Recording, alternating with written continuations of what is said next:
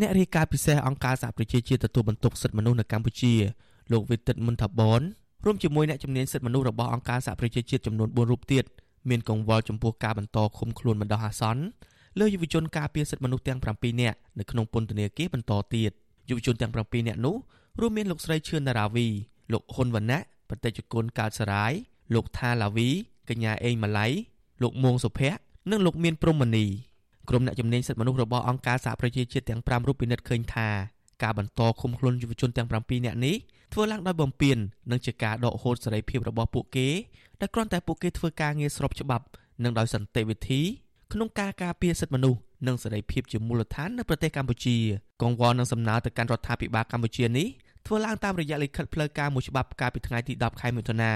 តែទើបត្រូវបានបង្ហោះសារជាសាធារណៈនៅថ្ងៃទី9ខែសីហា ក្រុមអ្នកជំនាញសង្កត់ធ្ងន់ថា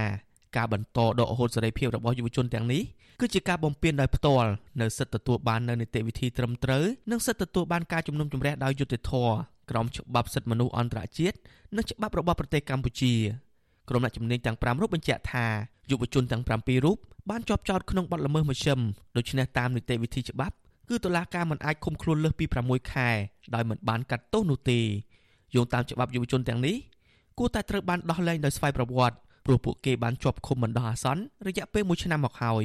លើសពីនេះក្រុមអ្នកជំនាញក៏មានក្តីកង្វល់យ៉ាងខ្លាំងចំពោះអាញាធរកម្ពុជា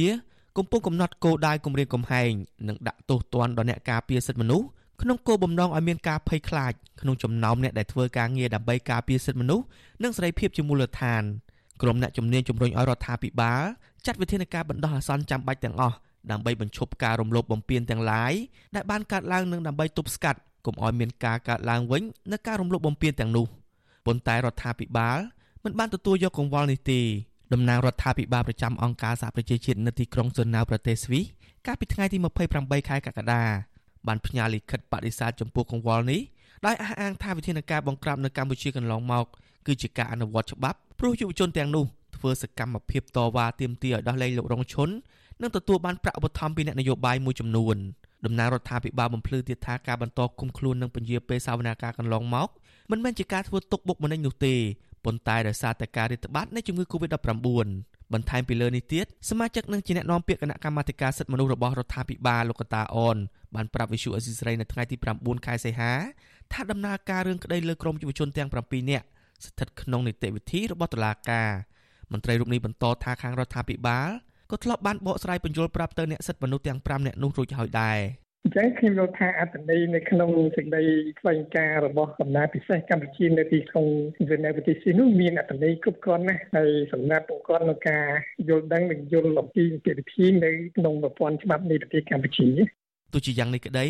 ក្រុមអ្នកជំនាញសិទ្ធិមនុស្សរបស់អង្គការសហប្រជាជាតិទាំង5រូបលើកឡើងថាការបកស្រាយរបស់តំណាងរដ្ឋាភិបាល មិនសមហេតុផល និងមិនស្របតាមក្រមនីតិវិធីព្រហ្មទណ្ឌដែលធានាការពារសិទ្ធិជនជាប់ចោតឡើយលើពីនេះពួកគាត់ចាត់ទុកថាទង្វើរបស់រដ្ឋាភិបាលកំពុងតែប្រើវិបត្តិជំងឺ Covid-19 ដើម្បីអូសបន្លាយពេលឃុំខ្លួនអ្នកការពារសិទ្ធិមនុស្សទាំង7រូបដោយគ្មានការកាត់ក្តីដែលជាការបំពានសិទ្ធិនិងនាំឲ្យប៉ះពាល់ដល់សុខភាពផ្លូវកាយនិងផ្លូវចិត្តរបស់ពួកគេធ្ងន់ធ្ងរប្រធានសមាគមសិទ្ធិមនុស្សអាត់ហុកលោកនីសុខាចង់ឲ្យរដ្ឋាភិបាលទទួលយកកង្វល់របស់អ្នកសិទ្ធិមនុស្សអន្តរជាតិមកពិចារណា ទើបជាការប្រសើរសម្រាប់គេឈ្មោះរដ្ឋាភិបាលលើឆាកអន្តរជាតិនិងផលប្រយោជន៍របស់កម្ពុជាលោកព្រួយបារម្ភថាការបន្តបដិសេធសំណើរបស់អ្នកសិទ្ធិមនុស្សអន្តរជាតិជារឿយៗបែបនេះនឹងបង្កផលអវិជ្ជមានបន្ថែមទៀតសម្រាប់កម្ពុជាបើសិនជារដ្ឋាភិបាលនៅតែបន្តនៅក្នុងការឃុំខ្លួនសកម្មជនសិទ្ធិមនុស្សទាំងអស់នឹងទៀតហើយមិនព្រមធ្វើការដោះស្រាយបញ្ហានយោបាយបញ្ហាអីទាំងអស់នឹងទេខ្ញុំគិតថាបន្តទៅមុខទៀតរដ្ឋាភិបាលនឹងទទួលរងនូវសម្ពាធផ្សេងផ្សេងទៀតឋានទេបាទ អាញាធររបបក្រុងភ្នំពេញបានចាប់ខ្លួនយុវជនខ្មែរថាវរៈនិងយុវជនសមាគមសម្ព័ន្ធនិស្សិតបញ្ញវន្តខ្មែរទាំង7រូបដាក់ពន្ធនាគារជាបន្តបន្ទាប់កាលពីអំឡុងខែសីហានិងខែកញ្ញាឆ្នាំ2020ដើមហេតុនៃការចាប់ខ្លួននេះគឺដោយសារតែពួកគេតវ៉ាដោយសន្តិវិធីទាមទារឲ្យដោះលែងមេដឹកនាំសហជីពលោករងឈុននិងមានគម្រោងប្រមូលផ្ដុំធ្វើបាតកម្មទាមទារយុត្តិធម៌សង្គមនៅទីលានប្រជាធិបតេយ្យតុលាការបានចោទប្រកាន់ពួកគាត់ពីបទញុះញង់ឲ្យប្រព្រឹត្តបទឧក្រិដ្ឋជាអាត ឬញុះញង់បង្កឲ្យមានភាពវឹកវរធ្ងន់ធ្ងរដល់សន្តិសុខសង្គមដែលប្រឈមពីការជាប់ពន្ធនាគារពី6ខែដល់2ឆ្នាំក៏ត្រឹមខែសីហានេះក្រុមយុវជនទាំង7នាក់បានជាប់ពន្ធនាគារចំនួន1ឆ្នាំហើយក្រុមអង្គការសិទ្ធិមនុស្សជាតិនិងអន្តរជាតិជាពិសេសទីភ្នាក់ងារអង្គការសហប្រជាជាតិរួមទាំងប្រទេសប្រជាធិបតេយ្យមួយចំនួនស្ថានទូតអាមេរិកជាដើមតែងតែទាមទារឲ្យរដ្ឋាភិបាលដោះលែងសកម្មជនសិទ្ធិមនុស្សសកម្មជនសង្គមនិងនយោបាយសកម្មជនបដិថាន ដែលរដ្ឋាភិបាលចាប់ខ្លួនសរុបជាង80នាក់ឲ្យមានសេរីភាពឡើងវិញខ្ញុំបាទចិត្តចំណាន Visual Assisray ពីរដ្ឋធានី Washington